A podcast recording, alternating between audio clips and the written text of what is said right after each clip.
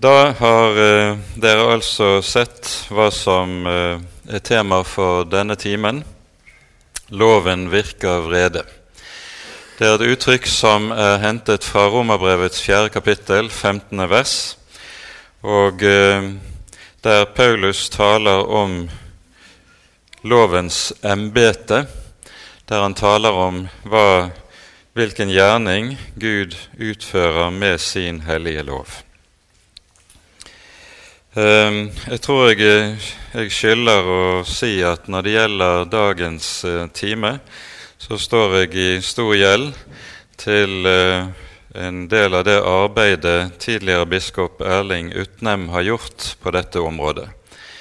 Ehm, en, en del av arbeidet hans er kommet i kortform i noe som er et Arkenhefte, og som FBB fortsatt har i salg. Stemmer ikke det, Bojo? Det ligger visst et par hefter fortsatt der ute. Ehm, det er meget verdifullt, dette arbeidet som Erling Utnem har gjort, og det anbefales på det varmeste. I um, apologien til uh, den augsburgske bekjennelsen bruker Melankton et uttrykk som vi også finner i hans eh, første dogmatikk, Loki. Eh, han sier 'lex semper accusat'. Loven anklager alltid. Det er noe av det grunnleggende i det som er Guds hellige lov sin gjerning og sitt embete. Loven er ikke gitt for å hjelpe oss til å bli rettferdige for Gud. Den er i stedet et erkjennelsesmiddel eh, ved hvilket Gud stiller oss ansikt til ansikt med sin egen hellighet. Det er det som det dreier seg om. Eh, allerede i lovåpenbaringen i Andre Mosebok, slik som vi hører det i kapittel 19 og 20 i Andre Mosebok, hører vi noe som er meget karakteristisk når det gjelder selve lovåpenbaringen. Lovåpenbaringen skjer jo ikke kun med ord i det Gud gir de ti bud, men det er ledsaget av en veldig åpenbaring av Guds hellighet og av Guds majestet. En åpenbaring som gjør at folket bever, og lovåpenbaringen virker umiddelbart en bestemt erkjennelse. Folket sier til Moses i kjølvannet av lovåpenbaringen.: Tal du med oss, for vi kan ikke høre denne veldige røst, for da må vi dø. Lovåpenbaringen virker altså umiddelbart den erkjennelse at i møte med den hellige Gud, lovens Gud, trenger vi en mellommann. Og Dette er en uhyre viktig eh, følge av lovåpenbaringen som er avgjørende også å være oppmerksom på.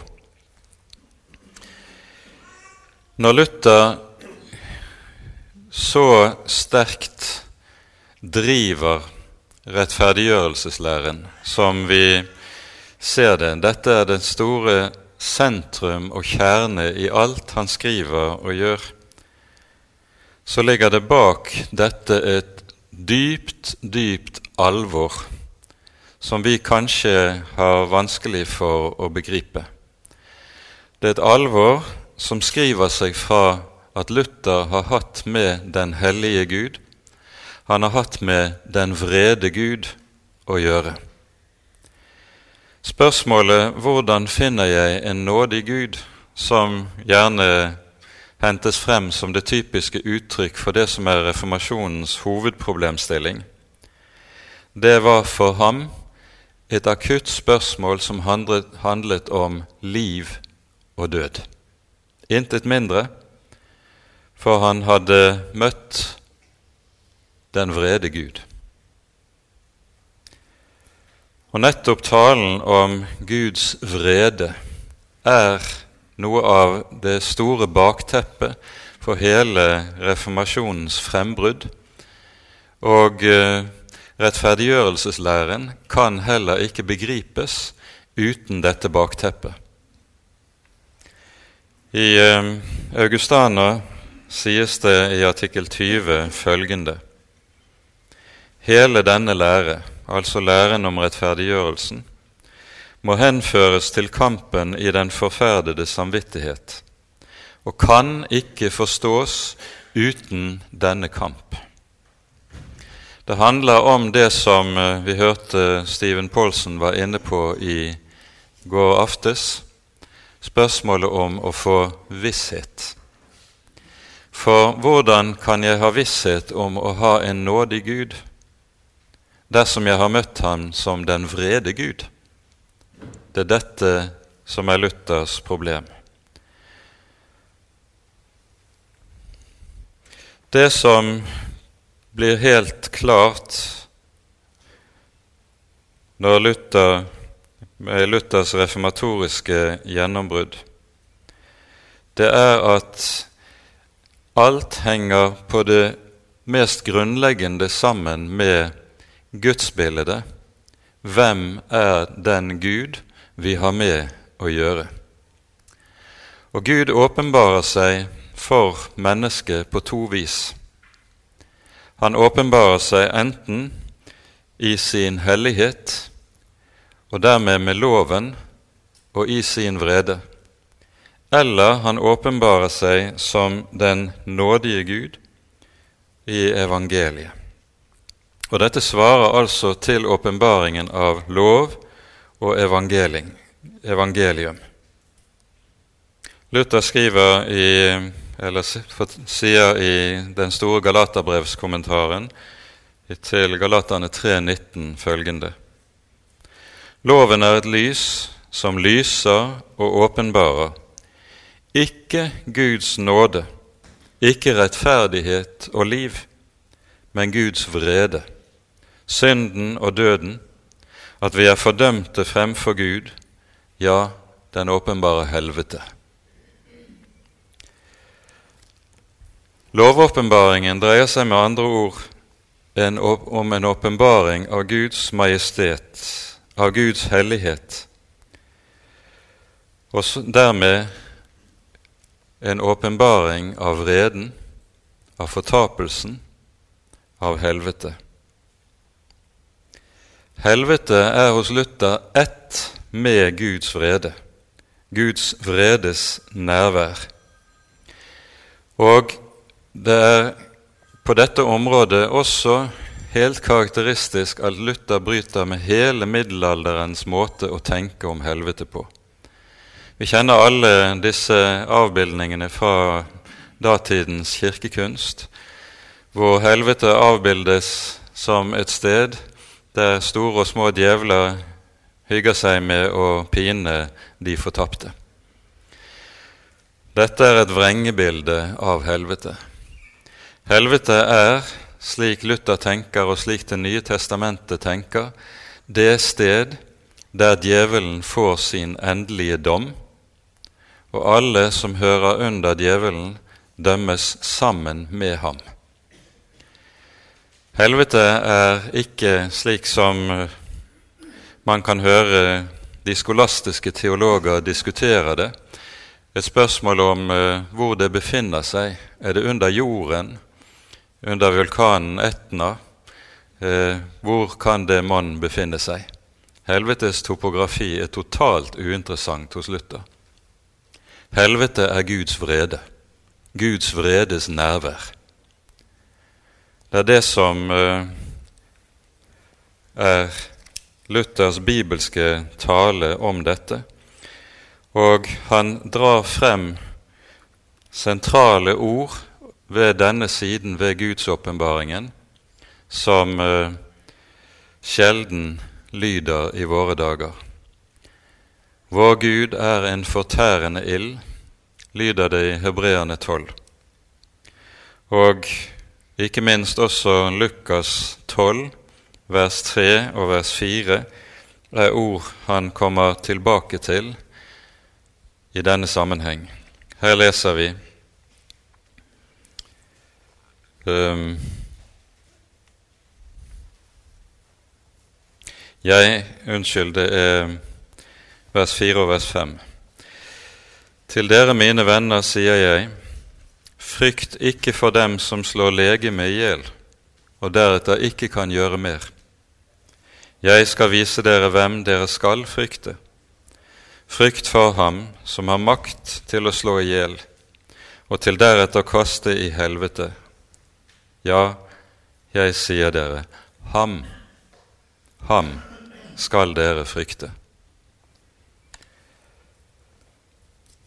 Han eh, har, tar i særlig grad i salmeforelesningene eh, utgangspunkt i Salme 21, vers 10, og skriver i denne sammenheng følgende Vi skulle kanskje lese dette verset.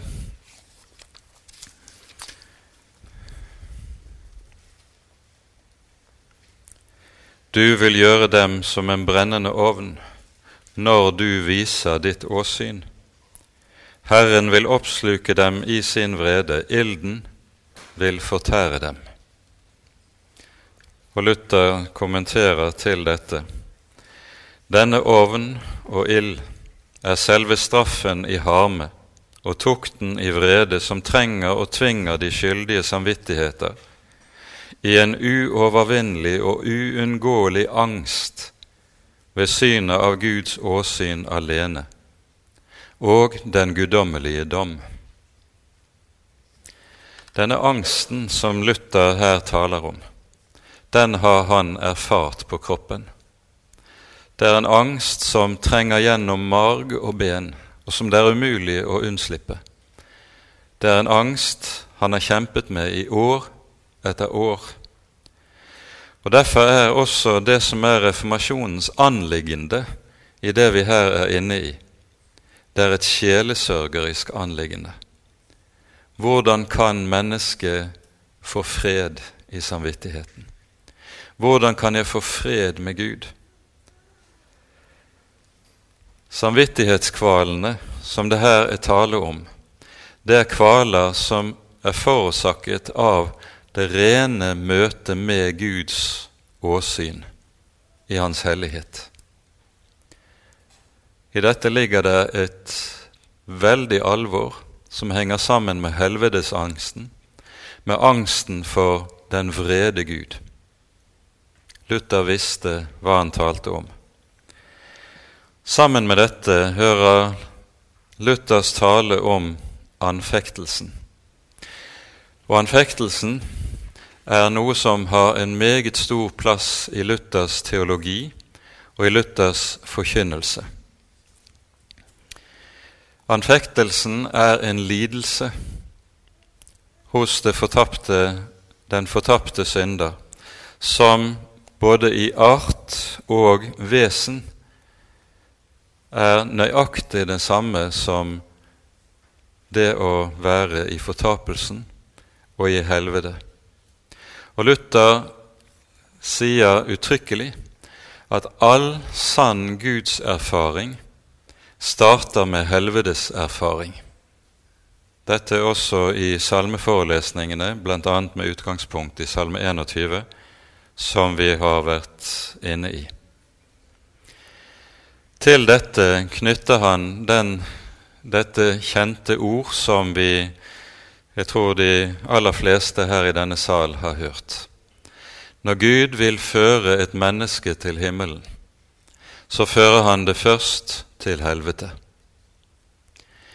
Det henger sammen med dette som kommer til å bli en uløselig og sentral side ved hele Luthers teologi, nemlig at Gud stadig gjør to gjerninger i sitt arbeid og i sitt virke på mennesket. Han døder og gjør levende.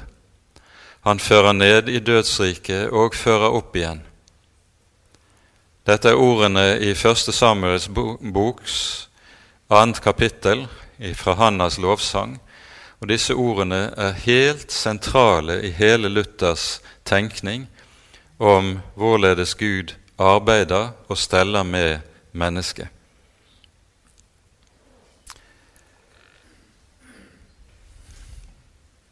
det falne mennesket nærer, slik vi hørte i går når vi bl.a. var inne i syndefallsberetningen, en skjult, en dulmet angst for Gud.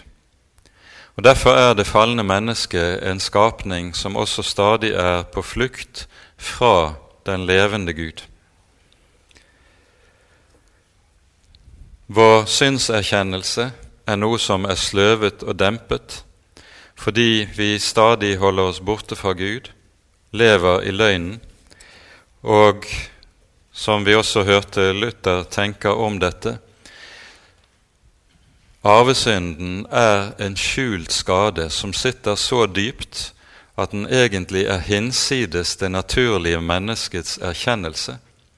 Den er noe som utelukkende åpenbares i møte med den levende Gud selv og i møte med Hans hellige lov. Vi lærer å kjenne oss selv rett først i møte med dette budskap. Og dette er tindrende klart i hele Luthers forkynnelse. Derfor taler han om nødvendigheten av den åndelige lovåpenbaringen. Det at Gud har gitt sin hellige lov, det er nettopp dette at loven er det erkjennelsesmiddel hvorigjennom jeg lærer å se meg selv i Guds lys, og dermed lærer å se sant på meg selv og hvem jeg faktisk er. Vi vet at alt det loven taler, det taler den til dem som har loven, for at hver munn skal lukkes og bli, hvert menneske blir skyldig for Gud. For ved loven kommer syndens erkjennelse. Og I Galaterbrevet hører vi at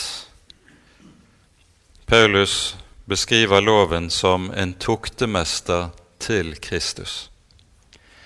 Den lærer mennesket den sannhet om seg selv som gjør at det begynner å skjønne at uten en frelser eier jeg intet håp, intet overhodet. Uten denne åpenbaring så har mennesket håp til seg selv. Det setter håp til sin egen rettferdighet. Bare jeg får tatt meg sammen nok, bare jeg får gjort nok, bare jeg får forbedret meg nok, da Da er det håp. Da kan jeg muligens fortjene Guds nåde. Loven knuser alle slike illusjoner. Og Jeg tror at ordene i Ordspråksboken kapittel 16 vers 2 kan stå som noe av en, et paradigme på det vi her har å gjøre med. Der står det følgende Alle en manns veier er rene i hans egne øyne, men Herren veier åndene. Det naturlige mennesket tenker om seg selv at jeg er i grunnen ikke så aller verst. Selvfølgelig er jeg ingen synder, jeg gjør jo feil her og der, men eh, det kan ikke være så ille. Men Herren veier åndene. Når loven lyder slik som den er tenkt fra Guds side, da legges jeg i vektskålen. Da ser jeg at jeg er veiet og funnet for lett. Da ser jeg at det ikke lenger er noe håp for meg. Jeg er under vreden, intet mindre. Dette er Guds gjerning i loven og med loven. Så blir det dermed også da slik at Luther med bakgrunn i dette roser seg av at han har talt langt, langt alvorligere om hvem Gud er, enn katolsk teologi noen gang har gjort.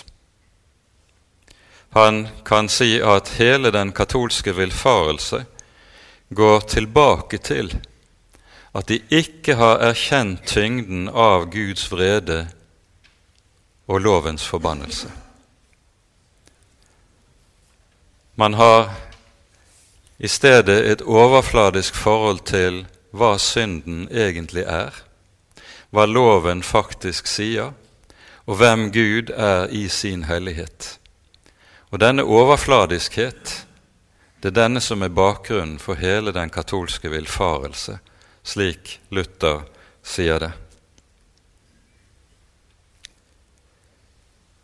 Denne håreste lære i Guds ord, som Luther sier det, den er noe som det naturlige mennesket tar anstøt av.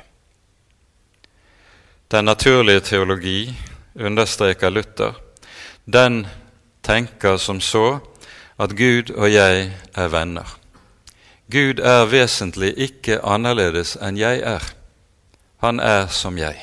I Salme 50 vers 21 sies jo dette rett ut. Gud taler til det gjenstridige mennesket og sier, 'Du tenkte at jeg var som du.' Og Herren svarer, 'Men jeg vil straffe deg og stille det frem for dine øyne.' For Gud er ikke en hyggelig humanist.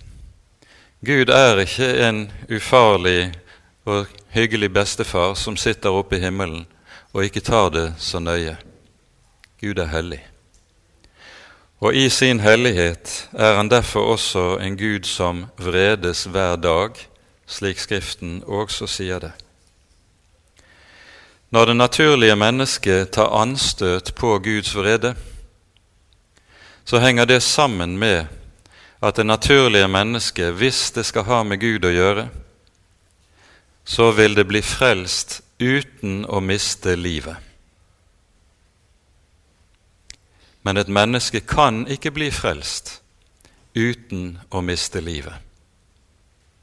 Til det å frelses hører en dødelse. Og hos Luther er forkynnelsen av dåpen den aller sterkeste understrekelse nettopp av dette. For i døp, dåpen så dødes det gamle mennesket, og det oppreises et nytt menneske til det nye livet. Og Hos Luther henger nettopp forkynnelsen av hva dåpen bærer med seg, på at det aller nærmeste sammen med den dobbelte gjerning som Gud gjør. Han døder og gjør levende, og henger sammen med denne paradoksalitet, denne tosidighet i Guds åpenbaringen, at han er den hellige Gud som vredes, og den nådige Gud som rekker synderen livet.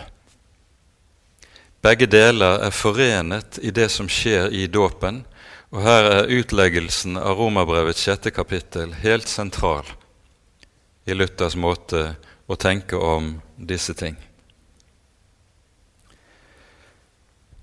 Med dette så føres vi direkte inn i det som kalles for korsets teologi. Og eh, Erling Utnem sier i denne sammenheng følgende at korsets teologi har sitt fundament hos Luther i at all frelse har døden som mellombestemmelse. Når Gud frelser et menneske, så døder han det samtidig. Og Dermed blir altså dåpen helt grunnleggende i denne sammenheng.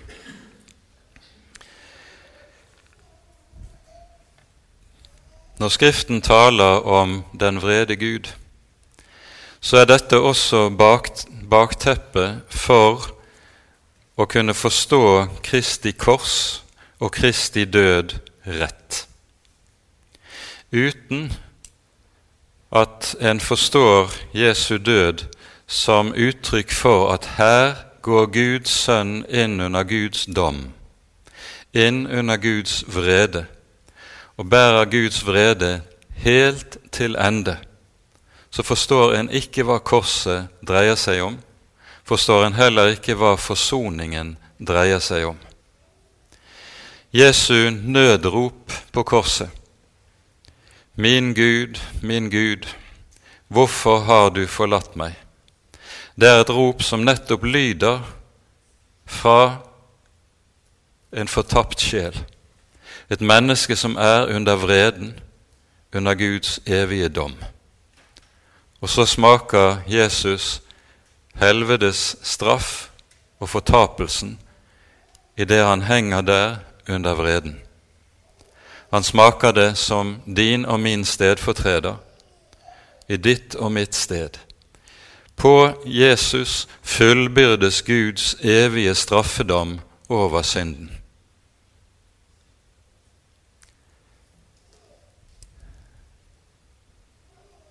Det er tankevekkende at spotternes ord som lyder når de står omkring korset, de bærer på mange måter i seg det som er selve hemmeligheten ved korsfestelsen. Andre har han frelst, seg selv kan han ikke frelse. Hvis han hadde frelst seg selv, kunne vi aldri blitt frelst. Hvis han hadde steget ned av korset som spotterne utfordret ham til, kunne du og jeg aldri blitt løst. Men nettopp fordi han blir hengende, bærer dommen, bærer vreden, bærer korset, så åpnes der en dør til frelse for syndere. Hele Luthers tale om den vrede Gud. Så å si får sitt sentrum i og sin utløsning i forkynnelsen av hvem den korsfestede er, og hva det er som skjer på korset. Fordi med dette så pekes det samtidig på hvor synderen under Guds vrede får hjelp. Hjelpen ligger ikke i noe som mennesket kan yte eller være, men ene og alene i hva Gud fullbyrder utenfor oss, uavhengig av oss og totalt på egen hånd, uten vår fortjeneste. Slik at troen handler om det å bygge på og hvile i det en annen har gjort, som har båret vreden, der løses et menneske fra angsten. Angsten for den vrede Gud. Der finner en den nådige Gud. Der og bare der. Slik at dette som jo er det grunnleggende sjelesørgeriske problem, som hele reformasjonen handler om. Vi kunne godt si at reformasjonen har sin kilde i spørsmålet om frelses visshet. Det finner sin løsning i forkynnelsen av evangeliet om hvem Jesus er, og hva han har gjort. For der åpenbarer Gud seg som den nådige Gud. Og der det skapes tro ved dette evangelium, der får samvittigheten hvile. Der får samvittigheten fred. Der, der er den nådige Gud i Kristus. Og så blir ordene fra Johannesevangeliets sjette kapittel, nei, unnskyld, tredje kapittel, 36. vers, et sentralord som setter frem for oss dette skarpe enten-eller, der vi leser Den som tror på Sønnen, har evig liv, men den som ikke vil tro på Sønnen, skal ikke se livet, men Guds vrede blir over ham. Enten eller. Og det som frir et menneske fra vreden, det er evangeliet om Sønnen. Intet annet, intet mindre. Ikke noe menneske kan være eller gjøre eller by den levende Gud. Alene evangeliet om hva Sønnen har gjort. Det frir fra vreden. Det perspektiv som Luther har med dette, det er hele tiden det som har vært kalt for det eschatologiske perspektiv. Når du stilles inn for den vrede Gud, da stilles du samtidig inn for den Gud som dømmer deg på den siste dag. Det å smake og stilles ansikt til med vreden, det er å stilles ansikt til ansikt med den skjebne du vil få på den siste dag dersom du er uten Kristus. Samtidig er evangeliet også, har evangeliet også dette eschatologiske perspektiv i seg. I evangeliet fris du fra den evige dom på dommens dag. Evangeliet er ikke noe som bare her og nå i troen frir samvittigheten, men evangeliet er det som du ikke bare kan leve på her i tiden, men også det du kan dø på på din siste dag. Hvilket også innebærer at evangeliet frir fra dødsangsten. For en av de helt sentrale sider ved dødsangsten, det er jo nettopp bevisstheten om hva skal jeg svare min skaper når jeg nå skal frem for hans trone? Evangeliet løser et menneske også fra dødsangsten, slik at et menneske i møte med budskapet om den Herre Jesus kan løfte hodet i møte med død og grav og være frimodig. Fordi jeg vet, som Kristus sto opp fra de døde, skal jeg også leve med ham. Derfor bærer evangeliet i seg samvittighetens fred, det evige håp og frimodighet i møte med død og grav. Dette er evangeliets skatt, som aldri, aldri er noe vi kan gi slipp på. Ære være Faderen og Sønnen og Den hellige ånd, som var og er og være skal en sann Gud, høylovet i evighet. Amen.